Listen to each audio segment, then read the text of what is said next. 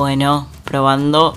Eh, estamos acá inaugurando nuevo canal de comunicación de En Tribu. Eh, este sería nuestro primer podcast. Eh, para las que no sepan, los podcasts son como programas de radio cerrados y encapsulados, digamos, para que ustedes después puedan escucharlos cuando quieran, donde quieran, desde donde quieran, con quien quieran. Así que bueno, me presento para las que no me conocen. Yo soy Flor, soy licenciada en comunicación y mamá de Julián, de dos años. Empecé con Entribu el año pasado, cuando me di cuenta mientras estaba embarazada que a los emprendimientos que, con los que me vinculé le faltaba un poquito de ayuda en términos de comunicación. Así que los empecé a contactar, eh, con muchos de ellos terminé siendo amiga. Y bueno, me di cuenta que había una necesidad desde ese lado y que yo desde toda la experiencia que había adquirido con todos estos años trabajando en, organizaciones, eh, podía ayudarles, podía serles útil. Así que bueno, ahí después de un tiempo le pude dar forma a, a Tribu y arranqué. Arranqué dando talleres de marketing digital y haciendo asesorías personalizadas con distintas mamás emprendedoras o no necesariamente.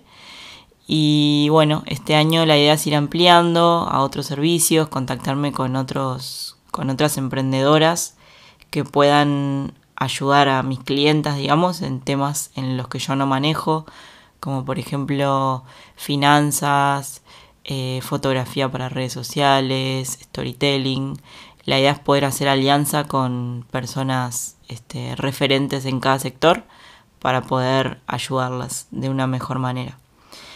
Y bueno, esa soy yo. Me encantaría que después ustedes se presenten, me dejen eh, sus comentarios en, en, en, la plataforma, que se puedan presentar ustedes también. Y bueno, en contarles un poquito qué van a encontrar por acá.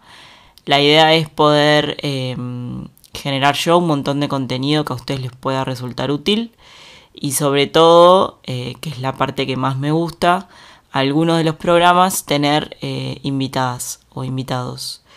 Eh, personas también referentes en distintas áreas, emprendedores que nos cuenten su experiencia y sus aciertos, sus errores y que desde ahí nos sirva para crecer a todas, que nos cuenten nada, qué cosas le han salido bien, qué cosas le han salido mal, qué cosas harían distinto, qué consejos nos pueden dar, porque creo que esa es la mejor forma de crecer, en verdad, cuando estamos con otros y con otras y aprendemos de, sus experiencias, eh, crecemos y sobre todo crecemos todos juntos.